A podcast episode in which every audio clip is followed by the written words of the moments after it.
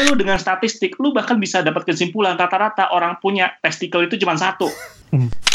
Uh, benar-benar uh, lebih bagus dari Freakonomics. Kalau yang senang baca Freakonomics gitu ini benar-benar delicious banget lah.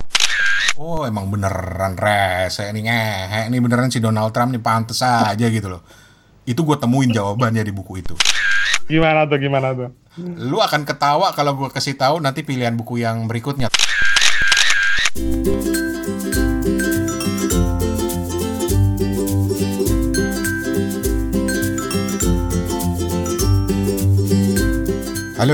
Assalamualaikum Kap Sawadikap Apa kabar? Ketemu lagi sama gua Rane Hafid di Suara Nih Podcast dan kali ini adalah edisi Kepo buku yang kedua. Ini edisi di mana gue, Rane di Bangkok, ngobrol bareng co-host gue Steven Sitongan di Ambon dan Hertoto Eko alias Toto di Singapura. Kita akan ngobrolin apa saja tentang dunia buku, termasuk juga bagi-bagi rekomendasi buku-buku yang lagi kita baca atau yang sudah kita baca. Uh, terus juga jangan lupa kita bakal bagi-bagi buku gratis yang disponsori oleh Satria Buku. Ini toko buku online-nya Steven. Dan buku apa aja dan bagaimana cara dapetinnya nanti di akhir dari segmen podcast ini akan kita bahas. Oke, kita langsung mulai aja dengan berita-berita terbaru dari dunia buku. Tapi bentar, ini dua bocah ke mana ya? Bentar, gue nyalain dulu. Ya, udah ngobrol dulu. Iya, lagi ada kerjaan. Eh, kalau kita udah direkam, kita ngomongin jelek-jelek tentang Rani aja, kan? Biarin dia cep, biar dia ribet gitu ngeditnya. Woi, sialan lo.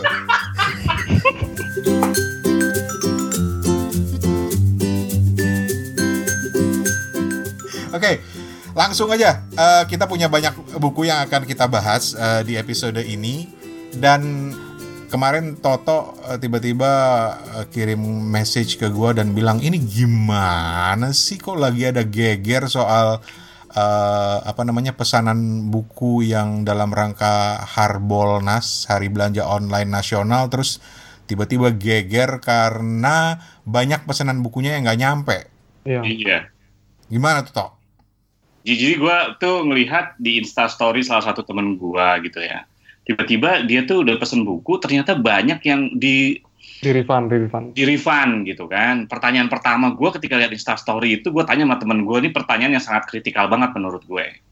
Harbolnas tuh apaan ya? Gue gitu. Ini nasib orang orang jauh nggak tahu Harbolnas nih. Kan, oh ternyata ternyata hari belanja eh online, online nasional. nasional. Ya. Gitu. Yeah. Terus uh, mulai cari-cari, mungkin nanti Steven lebih tahu ya karena Steven lebih berkecimpung di bidang uh, uh, apa namanya uh, online jual buku kayak gini ya.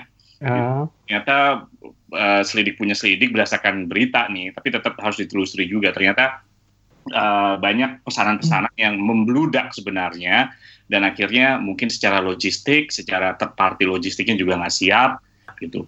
Tapi sebenarnya di luar itu ya, kalau lu mau bahas itu, gue sebenarnya ada satu yang yang gue sempat bilang alhamdulillah. Kenapa? Karena gini ya, Harbolnas itu pas gue lihat, ternyata teman gue tuh banyak ikutan gitu, tapi nggak buku. Nah, kalau ini ternyata lonjakan buku, ya alhamdulillah orang masih menggunakan belanja nasional gitu ya untuk beli buku gitu. Exactly. Mereka kan punya pilihan untuk belanja lain selain belanja buku gitu. Nah kalau sampai membludak dan akhirnya kewalahan, menurut gue masih ada satu titik uh, baik gitu ya, ada satu apa namanya kira-kira sesuatu yang ya harapan lah gitu bahwa kita tuh masih suka baca buku sebenarnya gitu. Tapi apa emang eh, jangan-jangan cuma satu dua kasus aja terus jadi viral atau memang banyak yang ngalamin kayak gitu? Steven mungkin lo tahu? Uh, dari penglihatan teman-teman juga banyak yang kecewa gitu sampai ya mereka bikin stories gitu uh, kapan nih sampai kapan nih istilahnya paketnya datang malah uh, kelihatannya kayak hopeless banget gitu. Tapi ya ya apa daya kan uh, promo 50% ya. Anjir. 50%? Iya, diskon 50% plus free ongkir. Mungkin ya uh, salah satu yang bikin kewalahannya itu. Itu satu penerbit aja? Um, kalau nggak salah di semua lini penerbit yang masuk di Uh, uh, yang ikutan masuk di platformnya gramedia.com. Oke. Okay. Halo Gramedia. Tapi akhirnya jalan keluarnya adalah di refund semua ya? Iya, kayaknya mungkin jalan tengahnya mungkin bang, bukan hmm. jalan keluar, jalan tengahnya. Jalan tengah ya. Gue rasa sih ada yang di refund ya, ada yang dapat bukunya juga, nggak semuanya iya. di refund. Ada yang tetap dapat bukunya walaupun sangat telat, ada yang akhirnya di refund. Kayak temen gue tuh di refund, padahal dia pengen banget gitu dapat bukunya gitu. Dan yang nggak enaknya gitu, isu yang tidak sedap beredar di luar adalah, nih nggak oh, mau rugi nih karena udah 50% nih diskon nih kebanyakan. kan yang rugi jadi rugi gitu. Tapi kalau gue kalkulasi kasar gue sih sebenarnya mungkin enggak ya. Karena karena nggak tahu Rane mungkin yang pernah nerbitin buku dan segala macam. Setahu gue sih ya. Kalau buku itu dijual di salah satu toko buku gitu, toko buku fisik gitu ya. Paling toko buku yang uh, di fisik itu, hmm. itu minimal dia punya 30% margin. Seingat gue. Nggak tahu kalau sekarang udah berubah gitu ya. Jadi hmm. kalau misalnya dia sendiri ngejualin berdasarkan online platformnya kemudian di diskon 50% menurut gue sih masih oke okay aja. Misalnya toko buku di di Singapura misalnya Kino itu hmm. untuk member aja di diskon selalu diskon 10% dan mereka sering mendiskon untuk member 20%. Jadi lu kalau buku baru tuh 20% kalau nggak salah ya. Iya, dua puluh persen gitu ya. dua puluh persen berarti gue yakin margin dia itu besar gitu untuk toko buku. Jadi kalau misalnya dia memberikan diskon Harbolnas persen, menurut gue sih kalau ternyata isu yang berkembang adalah dia nggak mau rugi, sepertinya sih enggak ya. Kayaknya ya, dia masih punya margin. Kayaknya gue nggak tahu. Apa emang apa emang gitu, Steven? Emang emang harganya sampai segitu marginnya? Uh, margin untuk toko buku memang kalau dilihat dari komponen dasar yang menentukan harga buku memang uh, cukup besar diskon yang diberikan ke toko bukunya kurang lebih 30-40 mungkin. Oh. Lu seriusan baru tahu kali ini, Ran? Hmm? Karena gue tahu Gue gue pernah nerbitin buku sekali di penerbit uh, yang uh, depannya G itu tadi udah disebut juga sama Toto. Tapi um, ya itu teman semua yang ngurus gitu kan. Uh, justru satu yang jadi pertanyaan gue sekarang sebelum kita lanjut ke info buku berikutnya adalah itu kalau marginnya sampai segitu penulisnya dibayar berapa ya? Kurang lebih 10 sampai 15 mungkin bang. Ya. 10 sampai 15 persen? Iya, belum dipotong pajak penghasilan. Hmm. Royalti, pajak royalti bang, pajak royalti. Tapi kan waktu itu kan sempat rame kan uh, soal uh, pajak royalti buku ini ya. Nggak tahu apa udah diberesin belum apa sama Bu Sri Mulyani? Uh, udah, udah kayaknya udah, udah, udah dikelirkan. Ada penjelasan-penjelasan uh, bahwa sannya bisa dipotong itu kalau nanti di akhir tahun gitu, di kredit. Oke, okay. Kabar bagus lah buat yang menulis. Tok, nulis tok. Nulis apa ya gue ya? nulis buku utang. Oke, okay.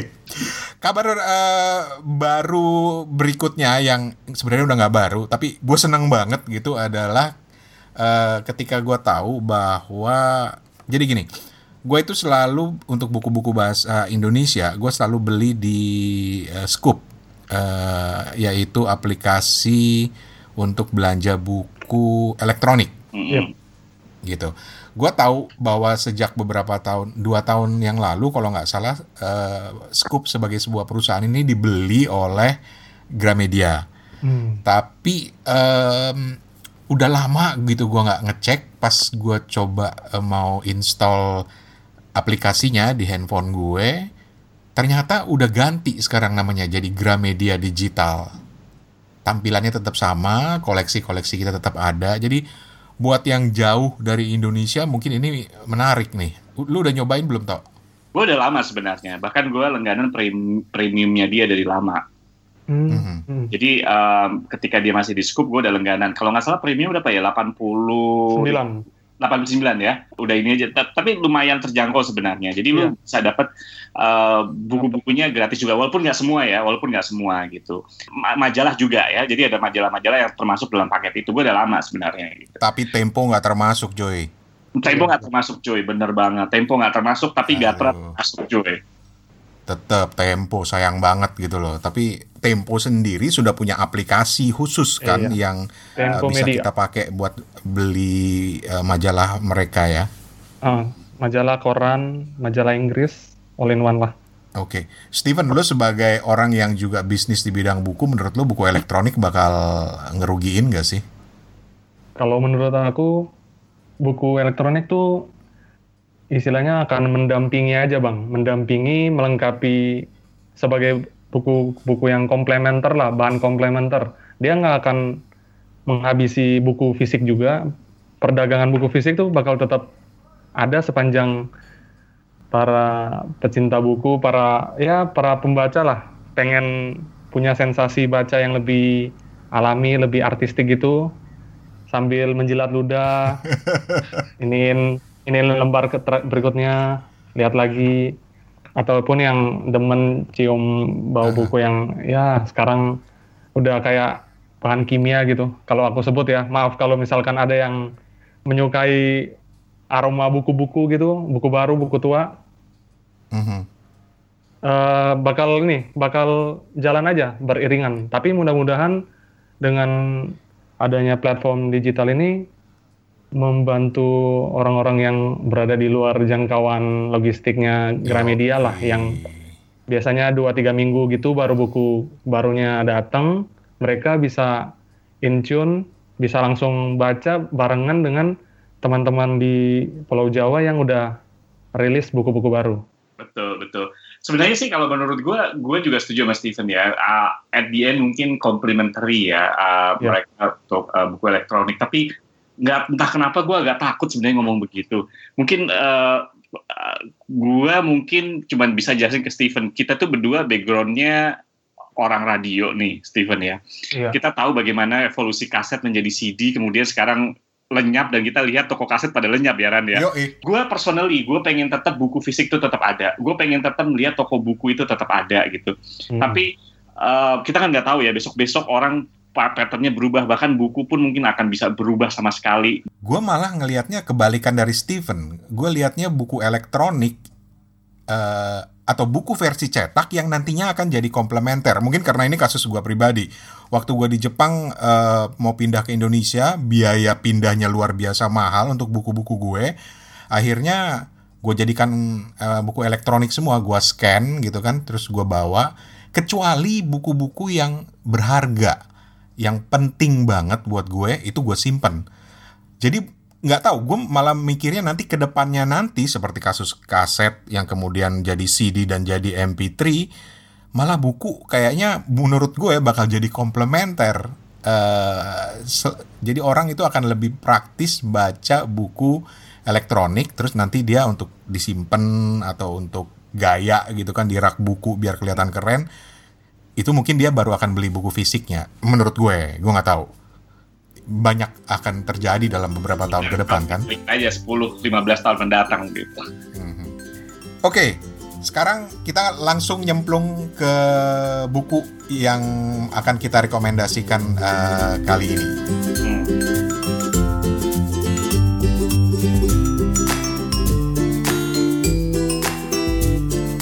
Oke, okay, lo lagi dengerin Suarane Podcast segmen Kepo Buku dan sekarang langsung kita kepoin rak buku masing-masing host. Toto dan Steven agaknya masih sibuk ngulik buku soal hoax dan juga post-truth. Juga ada nanti rekomendasi buku karya salah seorang penulis terkenal, salah seorang kolumnis terkenal juga. Sementara gue setelah lihat rak buku digital gue, hmm, gue mau ngobrol soal gosip politik sedikit dan juga buku tentang diet. Yeah, diet. Nggak usah ngakak gitu deh. ya wes, kita ke Singapura dulu. Uh, Toto punya buku yang judulnya uh, Weaponized Lies: How to Think Critically in the Post-Truth Era, karya Daniel J. Levitin. Tarik toh.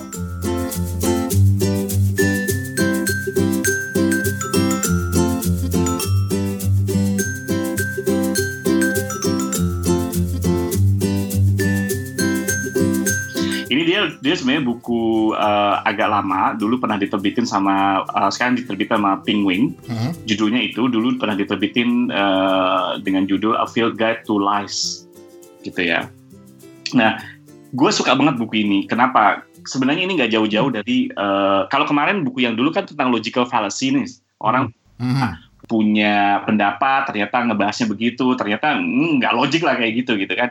Kalau lu dulu pernah mungkin pernah nggak lu pernah uh, baca buku How to Lies with Statistics itu klasik banget tuh buku. Zaman kuliah dulu. Bahkan itu sempat direkomendasikan oleh dosen statistik gue. Betul. Itu uh, kita kan backgroundnya sos ya jadi uh, itu kayak asik banget gitu.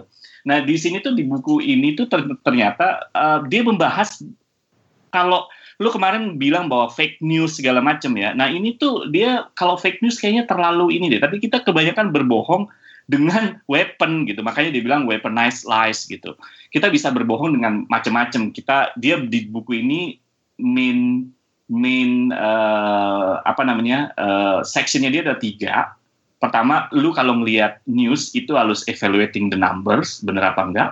Evaluating the words sama evaluating the world Nanti mungkin kita bahas lah sedikit-sedikit ya. Gue akan kasih teaser-teasernya. Nah, um, pada dasarnya buku ini fundamental thinking tuh bahwa lu harus punya critical thinking skill ya sehingga lu punya a very good logical decision punya ke apa namanya punya keputusan yang sangat logis untuk menganalisis klaim menganalisis fakta di dalam sebuah berita atau dalam sebuah posting deh gitu karena kita tahu ya saat ini tuh dengan adanya sosial media, online news gitu, semua orang bisa jadi ada uh, good or bad gitu ya. Yang bad people itu ngasih bisa ngasih info dan ada orang-orang yang they don't know what they don't know gitu, yang nyebarin juga gitu. Nah, lu dengan buku ini sebenarnya memposisikan sebenarnya, yuk kita lihat bareng-bareng gitu bahwa kita tuh punya tanggung jawab sosial loh. Lu kalau nggak ngerti, ya lu ini sebagian dari intra eh, apa ya pengantar gitu. Tools-tools apa yang lo harus lihat ketika lo melihat berita gitu. Bagaimana uh, jadi kalau lo pernah baca how to last statistik kan juga itu kan itu tools buat lo kan. Nah dia juga me, me sedikit mengekspan untuk itu. Dan ini benar-benar bagus bukunya sebagai introductory. Jadi benar-benar technical banget gitu ya bang, statistik gitu atau ada studi-studi? Nah kalau how to last statistik, oke okay, kita bahas aja ya bukunya, langsung kita bahas aja ya Niran ya. Oke okay, oke. Okay ada seksi pertama yaitu evaluating the numbers gitu. Evaluating the numbers itu mostly tentang statistik.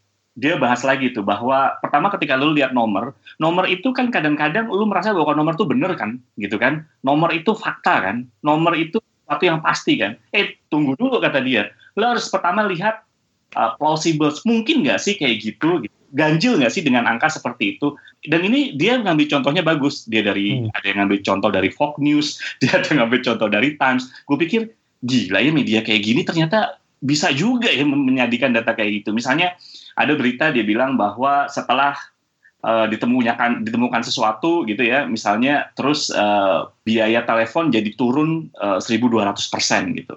Dia bilang mungkin nggak kayak gitu? Nggak hmm. mungkin kan bro turun 100% aja nol, lu turun 1200% lu berarti dapat duit gitu.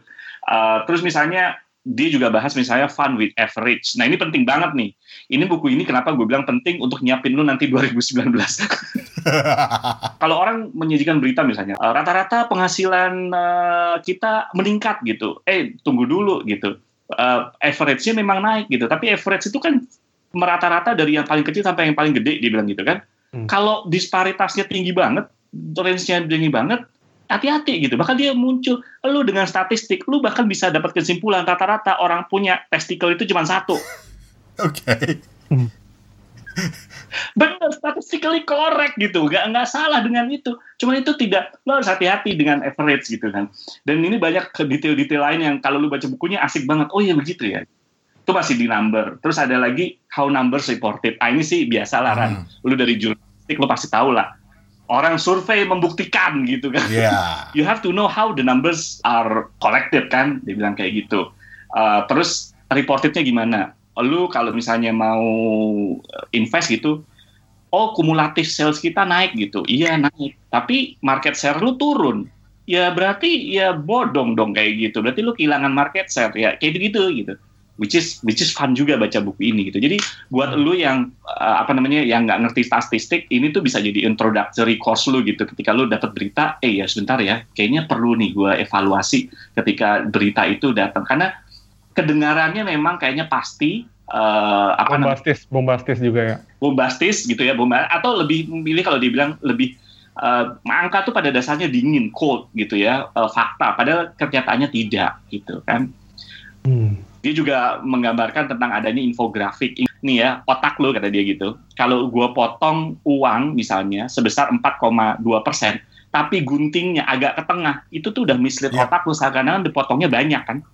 Padahal 4,2 persen itu, lo bayangin ada one dollar bills gitu ya, lo potong 4,2 persen. Kalau gue mau, ini cuma infografik kan kata-kata gitu ya terus gunung lu itu berada agak ke tengah, itu sebenarnya lebih dari 4,2 persen itu udah memberikan hmm. persepsi ke otak lu, di potongannya udah banyak. Padahal cuma 4,2 persen. Begitu juga sebaliknya gitu dia bilang kalau tergantung lu mau mau mau menyajikan atau disajikan infografis hmm. seperti apa. Kayak gitu-gitu sebenarnya. Oke, okay. gue malah jadi penasaran tadi ada number segala macam. Kalau lu hmm. lagi megang bukunya, hmm. dia membabak apa pembabakan bukunya tuh gimana sih? Jadi yang pertama itu pembabakan bukunya, dia itu evaluating with numbers. Jadi dia itu membahas semua yang ada hubungannya dengan uh, nomor lah, statistik. Terus dia terus terus bahas tentang uh, numbers. Di numbers itu ada yang yang pertama kali dia plausible. Sebentar, kita nggak usah ngomong statistik dulu. Dia bilang itu plausible itu misalnya uh, mungkin nggak sih uh, angka itu disajikan, misalnya kayak gitu. Misalnya dia contohnya di sini in 35 years since marijuana law stopped being enforced in California, the number of marijuana smokers has doubled every year. Jadi sejak 35 tahun marijuana itu di stop ya, dia bilang uh, law-nya di stop gitu ya. Marijuana smoker jadi double every year. Dia bilang plausible nggak sih? Coba lu hitung ya 35 tahun. Tahun pertama satu, tahun kedua dua, tahun ketiga empat, tahun kelima eh tahun keempat delapan terus ya gitu kan eksponensial. Terakhir itu angkanya nggak make sense man kata dia gitu nah ini yang ini lo harus punya sense of numbers gitu dia bilang hmm. terus nyinggung tentang tentang grafik tentang infografik juga ya um, ini bagus banget bukunya nggak terlalu tebal sebenarnya jadi enak banget buat dibaca dan dia ada contoh-contoh yang menurut gue lucu-lucu juga gitu. Gue sendiri berharap ada buku ini untuk kasus Indonesia gitu kalau ada gitu ya. Terus uh, mm-hmm. iya bener kan? oh, kan? Aku tahu tahu tahu tahu tahu ya. yang kasus kasus itu kan. Gue jadi inget gitu. Gue jadi inget gitu. Kita tuh harus kritis misalnya kasus yang terakhir gue kasih ke Rani gitu ya.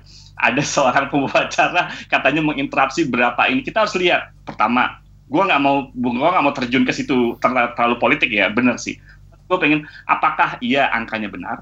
Kedua apakah memotong ketika angka itu sudah benar gitu kan? Apakah memotong itu menjadi etik atau tidak apakah kalaupun angka itu benar, apakah respon yang diberikan sama yang diwawancara juga benar atau enggak? Kan kayak gitu kan? Kritisnya itu sampai mm -hmm. gitu. Kita nggak boleh berhenti sampai oh iya nih kurang ajar memang wawancara potong-potong belum tentu. Tapi gue sekali lagi gas bawain ya gue nggak dukung siapa-siapa ya. Jangan salah. Cuma masalahnya eh, kadang-kadang kita nelen aja sih kalau disodorin angka sekian sekian gitu. Mm -hmm. jadi mm -hmm. uh, tanpa mau untuk ber pikir lebih kritis apakah itu masuk akal apa enggak gitu ya. Akalnya benar benar benar. Benar juga ya benar juga. Yang kedua lagi itu ada uh, partunya yaitu section kedua section keduanya adalah evaluating the words. Evaluating words, sorry. Mengevaluasi kata-kata. Hmm. Di sini dia buka tuh dengan bagus banget gitu uh, babnya. Uh, we are a storytelling species. Tuh and social species that easily swayed by the opinion of others. Dia dia dia bilang gini ya, we have three ways to acquire information. We can discover it ourselves, we can absorb it implicitly, or okay. we can be told mm -hmm. explicitly. Nah, di sini yang dia bahas yang salah satu yang seksi yang menarik atau bab yang di dalam uh, section uh, evaluating words ini yang menurut adalah evaluating the expertise. Ah, gue jadi inget banget nih kasus di Indonesia nih. Dulu lu pernah nulis, dulu pernah nulis jurnalisme apa dulu uh, yang uh, ekspertisnya itu lagi, itu lagi, itu lagi, itu lagi. Um, ada expert yang jago, mungkin awalnya dia jago melihat gambar-gambar, tiba-tiba suruh melihat, suruh menganalisa suara, sampai akhirnya dia menganalisa kecelakaan pesawat terbang, sampai akhirnya dia dia dibilang lu kalau melihat ekspertis kadang-kadang kita memang dalam melihat berita kita selalu percaya aja gitu. Uh, para ahli mengatakan dulu terjemahannya banget gitu ya. Para ahli mengatakan gitu. Padahal dia bilang salah satunya adalah be careful ya expertise is typically narrow. Jadi sangat sempit gitu yep. dia bilang. Orang Einstein misalnya gitu dia dapat uh, Nobel misalnya kayak gitu bukan berarti dia juga bisa jadi ekspertis di tempat lain hati-hati gitu dia bilang gitu kan. Uh, nggak nggak tamerta dia bisa jadi ekspertis di tempat lain juga gitu dia bilang. Jadi lu harus lihat bahwa uh, ekspertis itu biasanya typically narrow dan lu harus bersikap kritis ketika orang uh, itu walaupun dia expert gitu ya tapi nggak expert pada tempatnya juga lu harus sikap kritis apakah uh, benar atau enggak gitu dibilang salah satunya. Jadi gue dalam kasus ini eh dulu di Indonesia sering banget kayak gitu kayak kayak gak ada orang lain aja gitu ya. Emang gak ada gitu kan jangan gitu dia bilang. Terus di dalam di dalam words ini juga ada who who is behind it. Ini relevan banget nih. Deket-deket hmm. nanti ini politik-politik apa nanti ada lembaga survei yang membuktikan kalau elektabilitas ini tinggi. Elektabilitas ini tinggi. Ada website ini bilang ini. Kita harus kita kritis who behind it gitu. Lo harus okay, bisa okay itu orang ada afiliasinya nggak sama si si si si yang calonnya calonnya. Calonnya misalnya gitu kan atau siapa pun itu gitu. Lo harus punya sikap kritis karena kalau udah kayak gitu hmm bisa bisa jadi ini. Ini salah satunya itu. Sebenarnya uh, uh, apa namanya juga banyak contoh-contoh lain gitu kan. Um, itu yang yang evaluating words ya gue sengaja simpen buat yang lain-lain karena nggak lucu kalau gue buka semuanya. Nah yang terakhir, seksi yang terakhir itu sebenarnya lebih ke masuk ke arah evaluating the words. Dia bilang kayak gitu. Um, bahwa dengan segala sains segala macam itu kita tuh punya fakta bahwa pertama expert itu tidak selalu um, setuju. Jadi nggak ada yang namanya uh, kadang-kadang nggak ada yang namanya single single apa ya single truth gitu ya expert itu kadang-kadang uh, disagree in in a lot of things gitu. Nah, ini juga di di seksi yang terakhir ini lu mungkin dapat pelajaran logika 101. Logik 101. Jadi dia tuh dia nih gue ajarin logika salah satunya. Jadi dia bilang uh, misalnya kayak gini, um, gue langsung terjemahan bebas ya. Misalnya uh, Rane kalau pergi pesta selalu memakai jas gitu. Gitu kan? Rane likely kalau pergi ke pesta selalu memakai jas. Premis yang kedua adalah Rani pergi ke pesta, maka Rani memakai jas. Itu udah pasti, gitu kan? Kalau hmm. yang kedua, sebentar gue curi contoh yang kedua. Um, kalau hmm. misalnya uh, terjemahan bebas aja ya, terjemahan bebas Rani itu Rani itu memakai uh, sepatu dan uh, kakinya uh, terlindungi gitu kan. Terus uh -huh. premis yang kedua Rani kakinya terlindungi gitu. Terus lu senaknya sendiri ngambil kesimpulan dengan begitu Rani memakai sepatu. Enggak gitu kata dia. Ini, ini ada logika yang one on one kayak gitu Ran. Jadi dia tuh uh, lucu juga gitu dari dari dari statistik, world, kemudian dia ada logika-logika seperti ini gitu. Lu ketika mengambil kesimpulan uh, deduktif, induktif itu yang benar seperti apa dan dia punya punya uh, aplikasinya ke ke ke berita-berita kayak gitu. Which is asik juga sebenarnya baca kayak gini. Uh, buku ini sebenarnya sangat cocok sebenarnya untuk kita sebagai orang yang awam atau bahkan sebagai komplementarinya sebenarnya para mahasiswa statistik, para mahasiswa uh, yang lagi belajar logika gitu. Karena kadang-kadang kan garing ya Ran ya. Dulu nggak tahu lu dapat logika nggak gitu. Kalau ada teman-teman gue dapat logika gitu, garing banget gitu akhirnya. Tapi dengan buku ini menurut gue itu komplementari dengan uh, apa namanya? Uh, dengan kehidupan nyata gitu. Begitu juga ketika kita dulu belajar statistik kan. Kalau udah baca buku ini menurut gue eh asik juga ya ternyata ya kita nggak sekedar no numbers uh, kita hitung-hitung kemudian muncul hipotesanya apa kesimpulannya apa kan gitu kan ya. Uh, ini bisa jadi komplementari atau ya untuk kita membentengi kita uh, dari itu uh, klaim uh, itu benar apa enggak gitu kan. Hmm. uh, karena menurut dia karena menurut dia lu nggak bisa bilang bahwa eh sebentar dong kalau masalah statistik salah angka salah itu kan tanggung jawabnya yang memberikan berita dong kata dia bilang oh enggak tanggung jawab itu di lu gitu. Uh, termasuk juga lu melihat statistiknya benar apa enggak atau berita klaimnya benar atau tidak baru kemudian lu sebarkan gitu. Misalnya seperti itu. Dan ini bagus banget sebenarnya.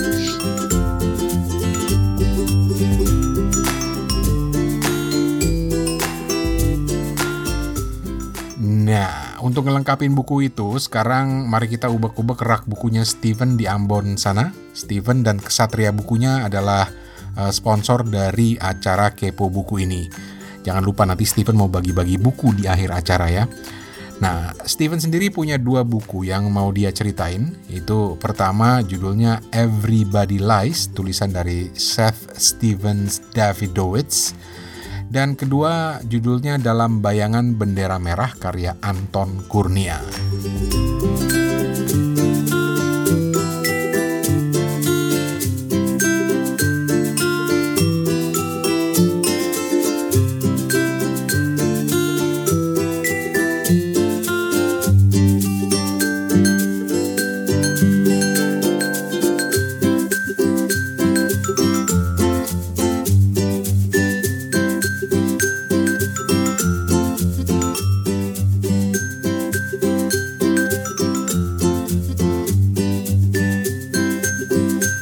Yang pertama Everybody Lies, Seth Stevens Davidowitz itu wajib-wajib dibaca buat ngerti di era-era sekarang ini data yang disimpan sama Google itu benar-benar luar biasa.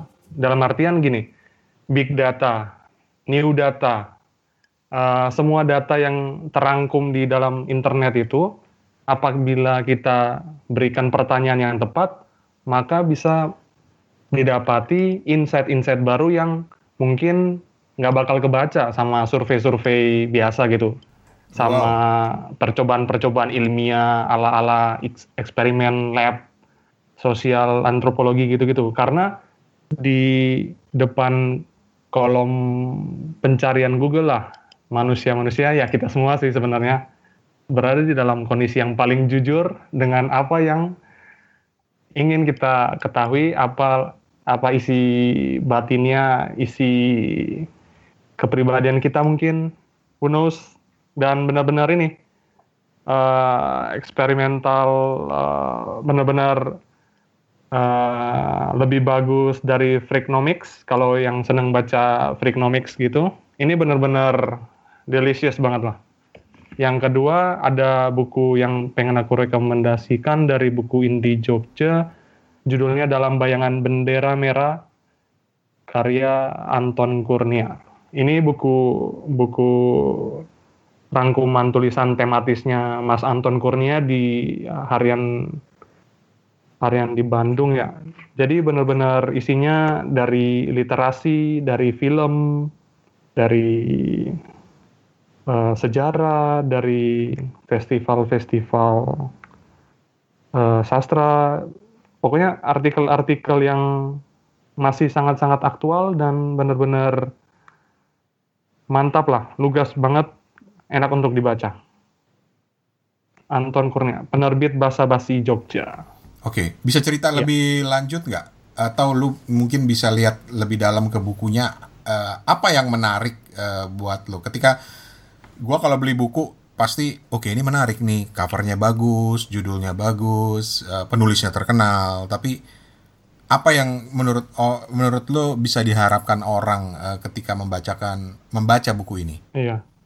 Uh, kebanyakan memang uh, tentang kondisi Bandung ya. Dalam artian bagaimana kondisi literasinya bagaimana kebudayaan di sana. Tapi secara umum benar-benar uh, dari dari bagian pertama nih bacaan terlarang dan masa depan literasi. Dia punya isi tentang budaya literasi yang yang terserak dan yang lusuh ya. Di Bandung kan katanya ini ya uh, aku baca tuh ada banyak lapak-lapak buku bekas. Nah banyak yang udah gulung tikar tapi banyak juga yang udah merambah ke online tentang buku kiri uh, ada banyak bacaan-bacaan yang masih diharamkan mm-hmm. untuk uh, pembaca sekarang baca gitu tentang fiksi pop, tentang bacaan anak ini judul-judul artikelnya nih. Bacaan anak tempo dueloi. Bacaan anak berbahasa Sunda. Bacaan anak zaman now. Komik sebagai bacaan anak. Ya sih. Terus di bagian kedua dari festival ke festival, kita tahu kan Mas Anton Kurnia ini benar-benar sebagai sosok juga yang bergerak di dunia publishing, masuk dalam komite buku nasional juga.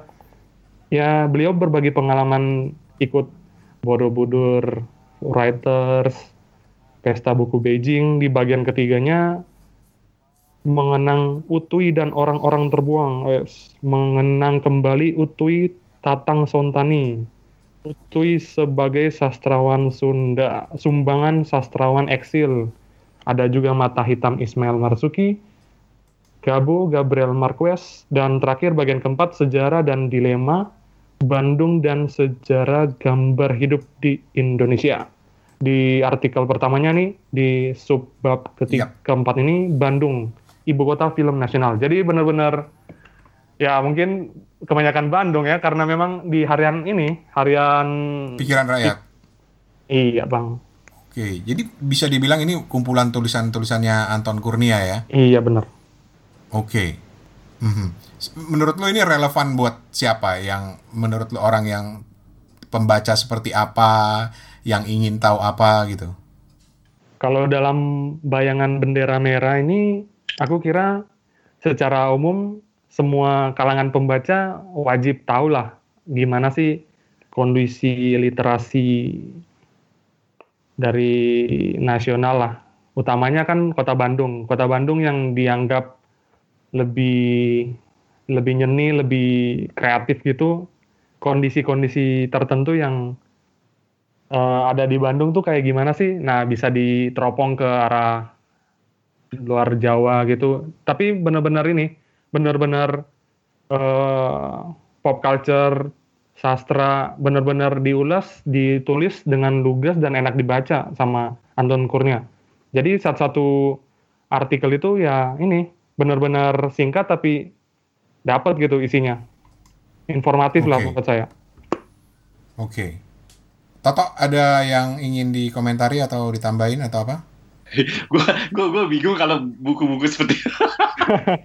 kenapa kenapa kenapa? Uh, ini ini masalah selera pada akhirnya kan? Iya bukan ya, masalah ya, selera ya. karena uh, gue sebenarnya tertarik dengan buku-buku itu seperti itu gitu unik-unik kan sebenarnya. Nah nah ini sebenarnya ujung-ujungnya adalah nyambung lagi ke nyambung lagi uh, ke topik kita yang awal tadi dengan adanya e-books gitu ya. Sebenarnya gue hmm. tertarik dengan buku-buku seperti ini gitu. Bahkan uh, yang yang yang yang nggak mainstream mainstream banget. Mainstream nggak sih kan? Gue kalau bilang mainstream ternyata salah juga. Ternyata mainstream gitu. Gue aja yang ketinggalan. Cuman kesulitan gue adalah mendapatkan buku-buku seperti ini di di luar gitu. Sedangkan kalau ngirim dari Indonesia kan lama banget gitu kan misalnya atau yeah. atau lebih mahal. Nah kalau ada e-booksnya gue makin tertarik baca gitu misalnya. Yeah. Kayak Iya. Dan uh, koreksi gue kalau salah ya Steven ya, tapi iya. kumpulan-kumpulan catatan seperti ini yang yang menarik uh, dari buku semacam ini adalah karena dia bisa dibaca secara lepasan ya, per Betul. artikel, per buku begitu ya. Iya. Oke. Okay.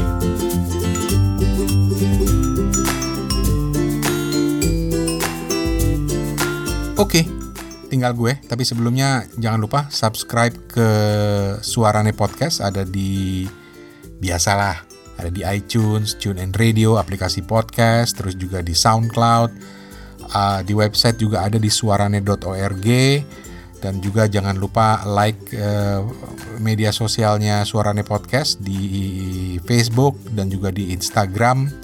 Uh, kata kuncinya cari aja Suarane Podcast. Jangan lupa like, share, dan amin yang kenceng cuy. Aminin yang kenceng. Oke, okay, kembali ke buku gue. Gue gue asli lagi kepo dengan buku Fire and Fury-nya Michael Wolff. Itu tuh yang tentang bapaknya yang terhormat Donald Trump yang bikin Amerika jadi belangsak sekarang. Uh, asli gue kepo, jadi nanti akan gue ceritain.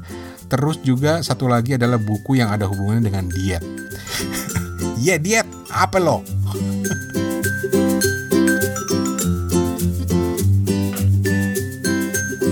Oke, okay.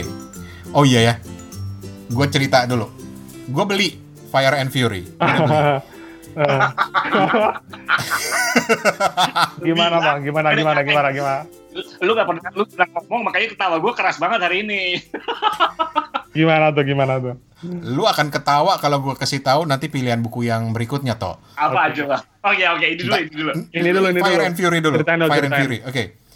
Yang menarik dari buku ini dan bikin gue penasaran pada awalnya adalah karena si penulis namanya Michael Wolff itu kok bisa keluyuran di dalam gedung putih bahkan sebelum gedung putih ya waktu itu Donald Trump masih kampanye dia bisa ngintilin terus tim kampanyenya ketemu dengan Steve Bannon orang-orang penting di dalam eh, tim kampanyenya. Kemudian ketika masuk ke gedung putih dia bisa keluyuran keluar masuk uh, gedung putih dengan bebas ngobrol dengan siapa pun uh, semuanya on the record tanpa ada yang bilang off the record dan semua hasil cerita itu kemudian dia kumpulkan menjadi buku ini yang bikin Donald Trump kelojotan gitu kan.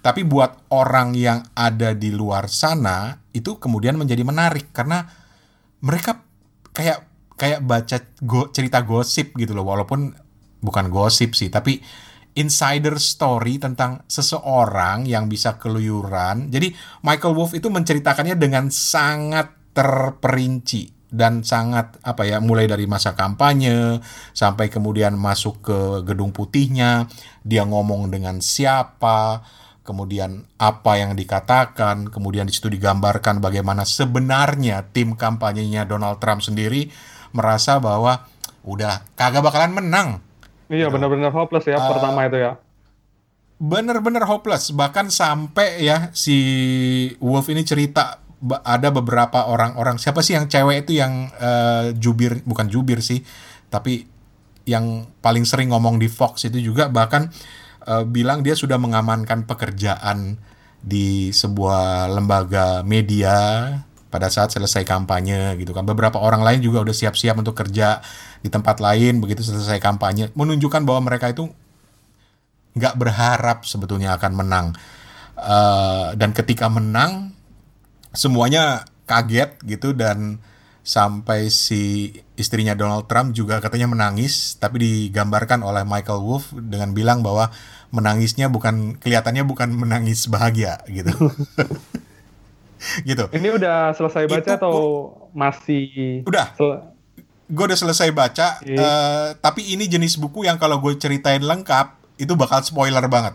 Oke. Okay. Bakal spoiler banget karena ceritanya banyak. Jadi gue cuma bisa bilang bahwa lu bayangin ada orang hmm. masuk ke gedung putih keluyuran dengan bebas ke sana kemari uh, dapetin semua informasi dari orang-orang kunci termasuk salah satu kunci utamanya yaitu Steve Bannon uh, dan ini membantu banget buat yang nggak ngerti sebetulnya siapa sih Steve Bannon uh, iya, siapa iya, iya. sih orang-orang uh, ini itu itu akan membantu untuk memahami kalau memang tertarik. Karena itu secara umum. Karena ini bang, aku gitu. baca Devil's Bargain itu aku hmm? kayak gimana ya, kayak bener-bener tertati-tati gitu. Aku kan nggak ngerti juga kan ini siapa yang lagi diomongin. Yes. Ya siapa sih uh, rekanan-rekanan Steve Bannon, uh, leluhur-leluhur politiknya mereka. Uh, tapi aku udah uh, cepat uh, apa uh, selangkah demi selangkah mungkin bisa lebih pasti baca langsung Fire and Fury gitu ya biar lebih tahu iya. inside story kemenangan Trump gitu. Gitu. Nah, salah satu keuntungan beli e-book buat gua adalah karena ketika ada nama yang gua nggak hmm. paham, hmm. gua bisa langsung klik di situ di namanya, kemudian dia langsung cari ke Google. Jadi nikmatnya membaca e-book itu seperti apa dan dengan uh, bukunya Michael Wolff ini uh, Fire and Fury lu bakal tahu tokoh-tokoh pentingnya. Bahkan ada orang yang misalnya Steve Bannon ini seharusnya bukan ada di posisi dia. Ada seseorang lain yang uh, orang penting di Fox yang juga sebenarnya ada di posisi itu uh, sebenarnya ditawarin lebih dulu oleh Trump tapi kemudian uh, menolak gitu. Jadi bener-bener lu kayak baca buat gue tuh kayak soap opera gitu loh. Hmm. Jadi makanya kalau gue ceritain di sini jadi jadi nggak seru tapi lu bayangin itu aja. lu bayangin ada cecak nempel di dinding gedung putih, ngerekam semua obrolan orang-orang, itulah Michael Wolff. Um, satu hal yang nggak nyaman dari buku Fire and Fury ini buat gue adalah karena si penulis itu memang dia pakai gaya tulisan bertutur, tapi dia banyak pakai tok namanya apa ya tok? Kalimat majemuk ya. Jadi ketika lu menjelaskan satu kalimat, koma, terus tiba tiba-tiba ganti ya. topik dulu untuk menjelaskan terus koma baru lanjut lagi ke ceri ke inti pikirannya kayak gitu loh. Banyak anak kalimatnya ya. Banyak anak kalimatnya. Itu. itu yang bikin gua nggak nyaman. Beneran, itu yang bikin gua nggak nyaman tapi karena gua kepo banget sama buku ini ya terpaksa gua baca dan benar-benar tertatih-tatih bacanya. Tapi ya hmm. nggak di infotainment, nggak di politik. Kalau lu udah kepo sama sesuatu, okay. lu bener-bener mencurahkan perhatian lu di situ. jadi jadi itu jadi itu yang yang satu aja menurut gue kurangnya dari buku Fire and Fury plus mungkin karena uh, English gue itu nggak gue nggak terlalu menikmati literatur literatur English American gitu loh hmm, hmm, hmm.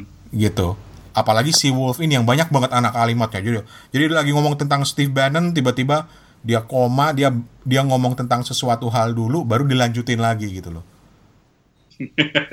Ya itu tipikal tipikal emang stylenya begitu ya berarti ya. American banget kan. American kalau nonton CNN nonton uh, Fox gitu ya gaya bahasa mereka seperti itu. Tapi ya hebat. Buat ukuran seorang Michael Wolff dia bisa menulis dengan sedemikian cepat dan kemudian berani mengambil sikap itu hebat.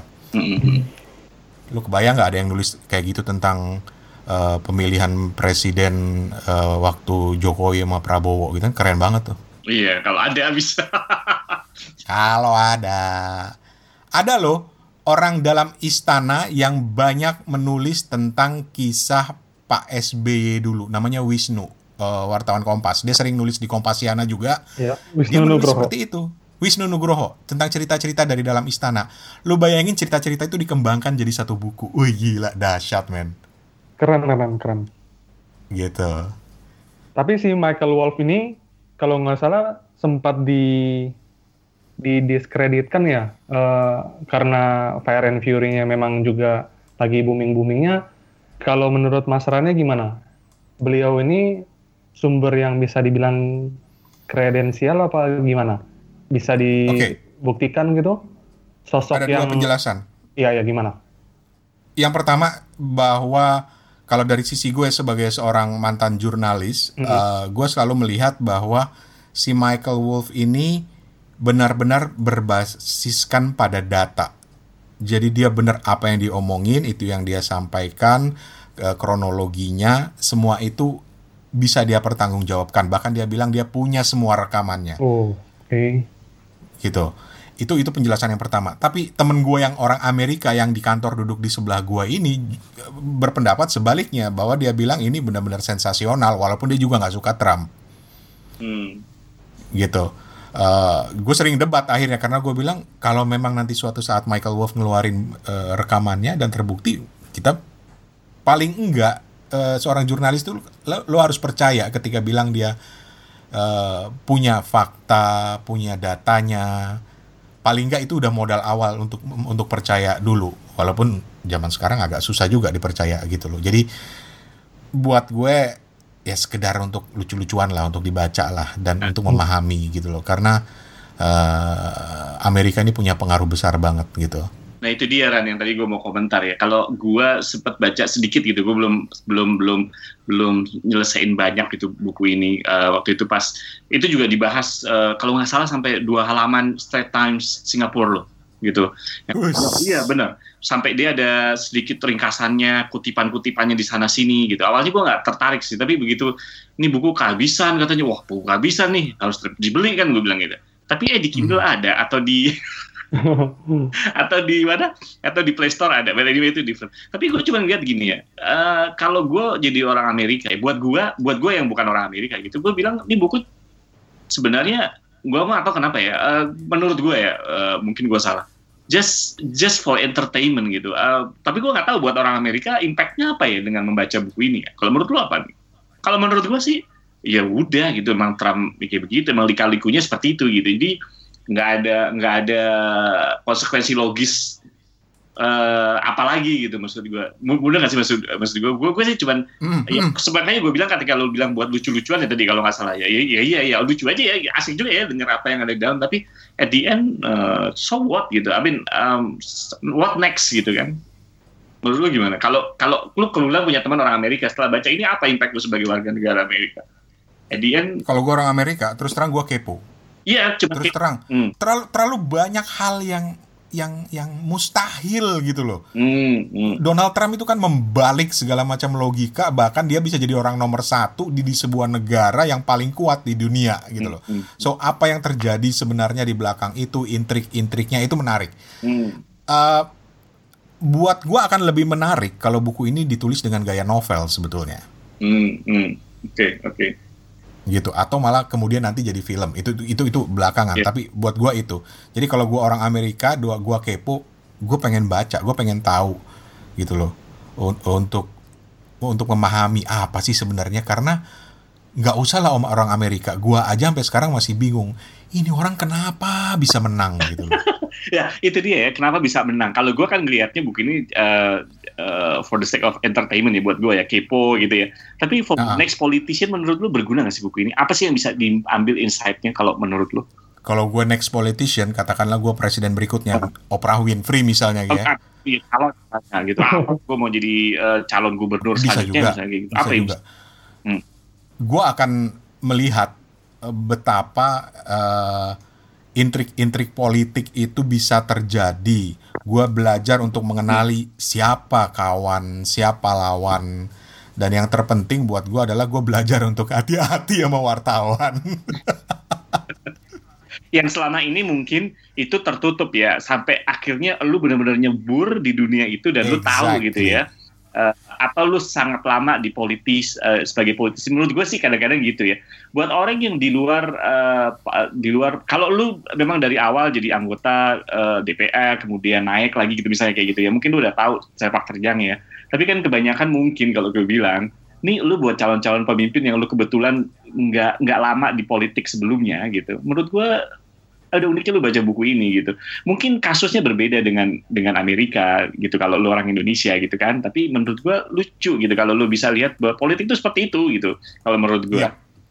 Yep. Ya kan? Ya what not in the theoretical term tapi justru sesuatu yang selama ini nggak bisa lu lihat di balik di balik istana gitu atau di balik uh, ya kayak misalnya kayak gitulah di balik di balik uh, pencalonan kayak gitu. gitu. Kalau menurut gue sih. Kalau gue baca, gue akan benar-benar berusaha mencari pembenaran. Oh, emang beneran rese ini ngehe. Ini beneran si Donald Trump nih pantes aja gitu loh. Itu gue temuin jawabannya di buku itu. gitu. Gak ada bagus-bagusnya deh Donald Trump di mata buku Fire and Fury gitu. rating, rating, rating berapa nih Aduh, kira Kalau rating, uh, dari sisi kepo gue akan kasih rating tinggi lah, 9 atau 8 lah. Tapi dari segi gaya bahasa, men, gue berjuang untuk baca ini. Cuma cuma hmm. rasa ingin tahu gue aja yang membuat gue bertahan untuk membaca. Bahkan kadang-kadang, ah ini ngomong apa sih, lewatin gitu. Tapi ketika di tengah buku, oh ini ngomong apa, kayaknya yang gue lewatin, gue balik lagi gitu. Jadi benar-benar gue bacanya benar-benar nggak, bukan tipe baca buku yang sambil tiduran atau apa. Bener-bener gue agak serius membacanya saking gue penasarannya. Hmm. Tapi tips ini kalau publishernya denger sih ngamuk dia. Lu baca ringkasan yang di New York Times saja menurut gue lu udah puas kok. Bener. Iya bener. bener. Walaupun lebih banyak cerita-cerita lain, tapi secara umum lu udah dapetin gambarannya gitu. Oke. Okay, Oke. Okay. Jadi jadi kasih simpulan dong. Beli sekarang atau nunggu akhir tahun? uh, kalau lu bener-bener ngikutin, lu beli sekarang deh, gitu loh. Karena lambat, semakin ke sini semakin akan ya udah nggak ada yang aneh lagi karena media sekarang udah tahu ngulasnya atau lebih udah mendalami. Ya, lu beli hmm. sekarang. Tapi kalau cuma sekedar untuk ah bisa gua tunda lah ntar habis pemilu lebih seru tuh buat bacaan itu nggak masalah itu bisa aja juga gitu rekomendasi sih kayak gitu. Oke, okay. uh, buku kedua. Apa nih bisa gue tawain nih? Kita udah ngomong berat-berat dari tadi. Uh, buku kedua ini benar-benar asli gue beli karena kepo. Jadi ceritanya begini. Uh, di Silicon Valley itu banyak sekali orang-orang di Silicon Valley yang nggak sehat karena pola hidupnya nggak sehat. Jadi lu bisa tebak ya ini buku kesehatan. Pola hidupnya itu nggak sehat, kemudian uh, akibatnya apa? Penyakit banyak, uh, berat badannya bertambah, segala macam gitu kan. Dan akhirnya mereka menerapkan sesuatu yang ada di buku ini dan ternyata berhasil. Gue baca itu satu. Itu kebetulan waktu itu gue lagi baca BuzzFeed. Kemudian uh, secara nggak langsung gue juga ngecek uh, satu bukan ngecek ketemu satu artikel jadi ada beberapa wartawan dari tunggu gue cek gue lagi lihat uh, kam, uh, bukunya uh, Washington Post ada beberapa was wartawan Washington Post yang overweight juga yang kemudian menerapkan ini dan ber dan berhasil. Jadi lu bisa tebak dong bukunya dong. eh, bentar, loh. Bentar di buku apa? Jangan-jangan lu baca buku tentang itu lagi. Diet ya? Iya. no. Bentar, kan okay. itu gue juga baca tentang Silicon Valley yang kelebihan berat badan entah di mana mereka ada keto diet. Lu jangan ngomong-ngomong lu baca buku itu lagi. No. No, gua, bukan gua, ya tentang weight loss, tentang nurunin berat badan, ya karena lu tau lah. Toto uh -uh. pernah ketemu gue dan gue memang berstruggle. Gue udah pernah nyoba lah yang namanya keto lah, apalah food combining lah segala macam sampai akhirnya gue udah nggak peduli, bodo amat lah yang penting gue seneng gitu. Uh. Tapi ketika gue baca artikel ini gue tergoda karena apa? Simple, hmm. simple banget. Oke lah, langsung aja nama bukunya adalah um, Buddha's Diet: The Ancient Art of Losing Weight Without Losing Your Mind nulisnya Tara Cottrell dan Dan Zigman. Lu ketawa kan beneran? Coba diulang lagi judulnya. Buddha's Diet, The Ancient Art of Losing Weight Without Losing Your Mind. Oke. Okay. Kalau gue baca, gue beli bukan berarti gue terapin ya. Karena hmm. gue pernah beli bukunya Deddy Kobuzier. Gue ngaku. Okay. OCD. Kemudian hmm. gue pernah beli buku yang namanya uh, Warrior Diet Hmm, oke. Okay. Dua-duanya ribet. Tapi kemudian hmm. Buddha's Diet ini gue suka karena filosofinya. Jadi dia berangkat, ini kira-kira gue bakal dihujat sama yang kelompok lain nggak ya? Tapi hmm, ini hmm. berangkat dari prinsip uh, seorang Buddha yang hmm. makan pola makannya itu sebenarnya tidak membatasi karbo, tidak nimbang hmm, protein segala macam, tapi membatasi waktu jadi hmm, misalnya hmm. dari ja waktu jam tertentu lu mulai berhenti makan, terus kemudian uh, mulai makannya lagi jam berapa, itu diatur dalam prinsip Buddha's diet yang menurut gue sangat sederhana. Jadi pola puasa yang sebenarnya lu dalam satu hari bisa makan apa aja, tapi kemudian lu batasin misalnya lu mulai makan kalau intermittent intermittent hmm. fasting atau orang yang sekarang lagi praktek dengan keto uh, keto apalah itulah keto fastosis uh, ya keto era diet itu keto era diet dia mulai dengan misalnya uh, berhenti makan jam 8 malam nanti makan lagi jam 12 siang jadi hmm, prinsip-prinsip hmm. kayak gini dan yang menarik dari buku Buddha's Diet ini karena dia ditulis dengan ada cerita sejarahnya bagaimana Buddha itu selalu digambarkan gemuk gitu ya, lagi duduk bersila gitu. Padahal sebenarnya dia itu kurus. Uh, dia sangat mengatur pola makannya walaupun dia sempat vegetarian segala macam, tapi kemudiannya dia stick kepada pola makan yang yang lebih disiplin gitu loh. Bukan disiplin, yang buat gua pola makan yang lebih normal sebetulnya. Jadi hmm. segala penyakit di dunia ini salah satu kutipan di bukunya adalah muncul karena orang sekarang sudah berlebihan. Hmm. You name it. Makan berlebihan, ngerokok berlebihan, uh, minum berlebihan, ya, ngerumpi berlebihan, pokoknya segala keberlebihan. Itulah sumber dari bencana di dunia ini. Jadi itulah yang digunakan dalam prinsip Buddha's diet. Oke, oke. Lu udah berapa lama punya buku ini? Baru. Oh baru, oke. Jadi gue belum bisa tanya berapa hasilnya.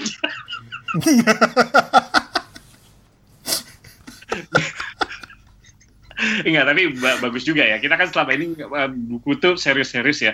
Tapi ini uh, bagus banget sih menurut gue. Art artinya uh, angle tersendiri ya dalam dalam bedah buku kita kali ini.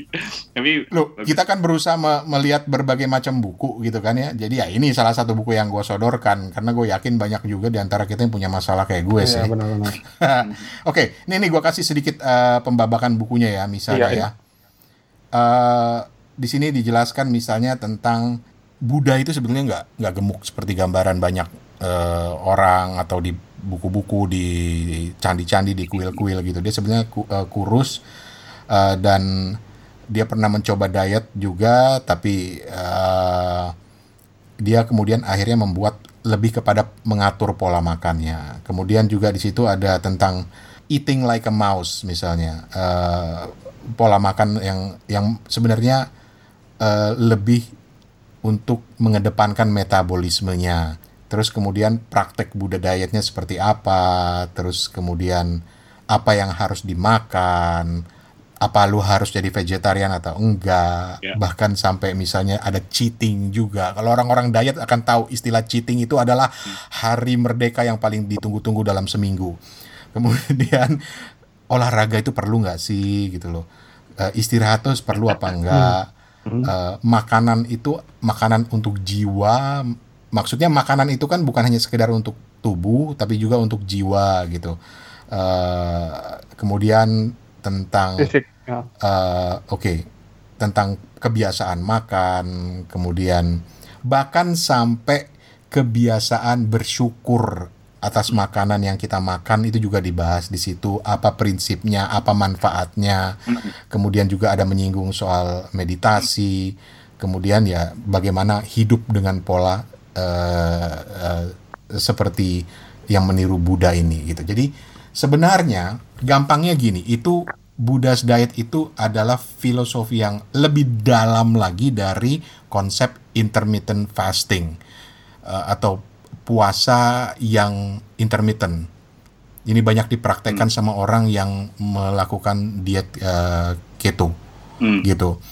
Uh, itu juga yang ditiru oleh Deddy Corbuzier dia juga intermittent fasting jadi lu dalam sehari ada biasa puasa 12 jam ditambah 16 jam sampai kemudian 21 jam bahkan sampai dalam satu minggu ada yang puasanya 24 jam gitu kurang lebih begitulah jangan tanya hasil. Ini gue cuma hmm. seneng bacanya aja karena bukunya juga menarik untuk dibaca. Karena lain dengan buku-buku diet lain yang bilang you can do it do this hari pertama itu hari kedua itu. Kalau ini ada hmm. ada ceritanya ada filosofinya di balik semua itu gitu. Itu yang menarik gue untuk membacanya. Dan gue gue gue coba lihat nih di di di Amazon gitu ya salah satu cuplikannya. Menurut gue nih buku kayaknya asik juga dibaca. Nggak nggak begitu terlalu tebal ya Lan ya? Nggak nggak nggak menurut gue ini bercanda aja ya. Uh, kebanyakan uh, buku diet gagal itu karena menurut gue karena bukunya terlalu tebal. Jadi saat kita menghabiskan bukunya kita sambil makan popcorn, makanya nggak pernah berhasil.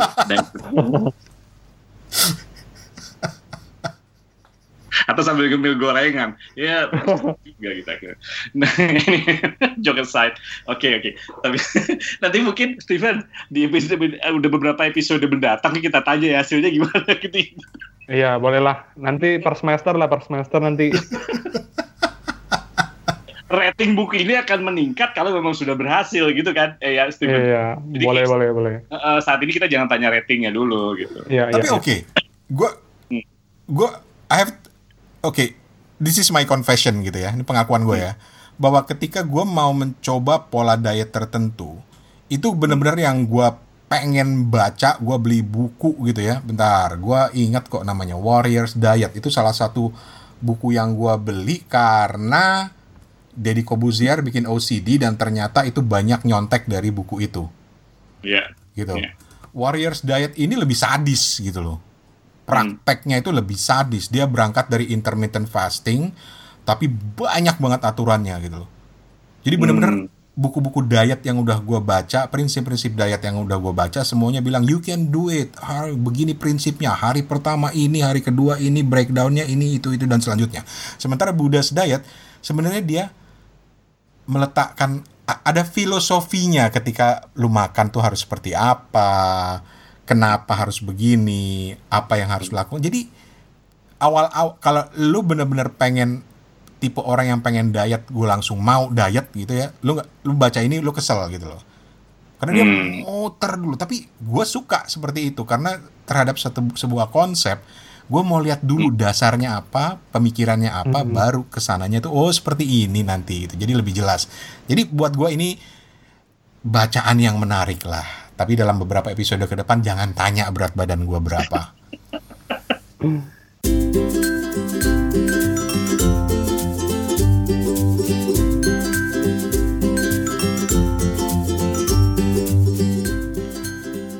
Oke, sebelum pamit, uh, eh, gue minta maaf dulu karena di episode sebelumnya, di Kepo Buku yang sebelumnya, uh, kita nggak bilang soal deadline bagi-bagi bukunya. Padahal buku-bukunya udah kita umumin ya, dan sudah ada beberapa orang yang kirim email. Terima kasih banyak buat yang sudah kirim email, tapi karena gue lupa nyebutin deadline-nya, ya udah kita perpanjang aja. Jadi kita putuskan untuk memperpanjang dan sekalian digabung lagi dengan hadiah buku untuk episode kali ini. Biar tambah seru cuy. Jadi inilah buku-buku yang akan kita bagi-bagi gratis kepada teman-teman semuanya. Caranya nanti dijelasin, tapi kita sebutin dulu nama bukunya ya.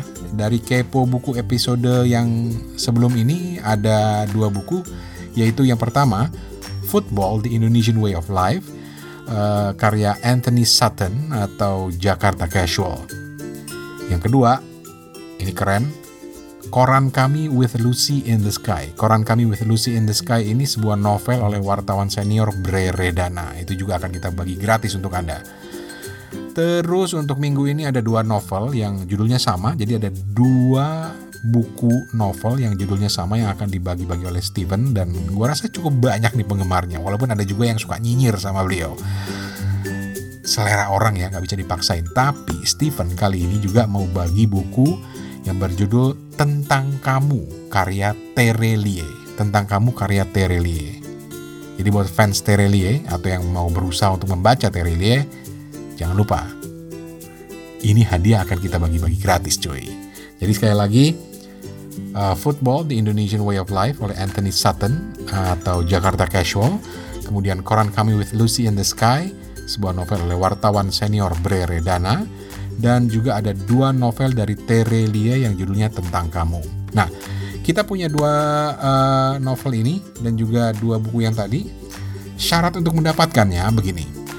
Lo pilih satu buku, nggak mungkin gue kirimin semuanya dong ke lo, pasti dibagi-bagi. Jadi lo pilih satu buku, uh, mau review buku ini baik di blog atau di media sosial lo atau bahkan mau kita undang untuk review di Suarane Podcast, boleh. Itu satu syaratnya pertama atau lo milih share buku itu ke orang lain setelah kelar dibaca. Jadi buku itu bermanfaat buat orang lain juga. Jadi ada dua syaratnya. Tentu saja lo sebutin buku yang lo mau yang mana. Lo bisa antara uh, membuat review ini di blog atau di media sosial lo atau lo bilang gua mau dong ditelepon untuk review. Kita akan telepon. Dan yang kedua, kalau lo nggak mau review, lo harus bagi buku itu setelah lo selesai baca. Terserah, lo mau share ke siapa, ke pacar juga boleh. Lumayan ada alasan buat PDKT sama gebetan. Oke. okay? Email aja ke suarane at gmail.com suarane at gmail.com email permintaan buku lo dan bilang lo mau review atau lo mau kasih ke orang setelah baca. Uh, sekali lagi suarane at gmail.com emailnya dan subjeknya gampang. Bagi buku cuy bagi buku cuy. Oke. okay um, deadline emailnya adalah dua minggu dari podcast ini keluar. Jadi sekali lagi deadline-nya adalah dua minggu dari podcast ini keluar atau tanggal 18 Februari. Jadi kalau lo denger ini setelah tanggal 18 Februari 2018, minta maaf. Udah lewat cuy.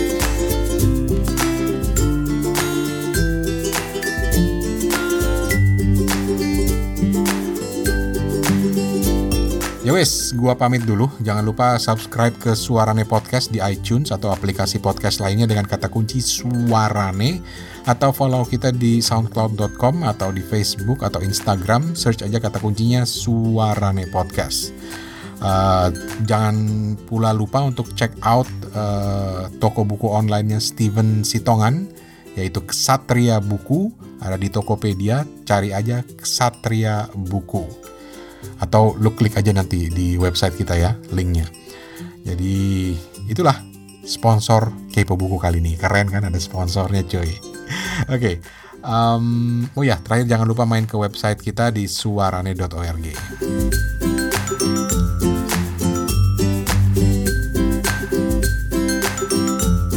Oke, sip.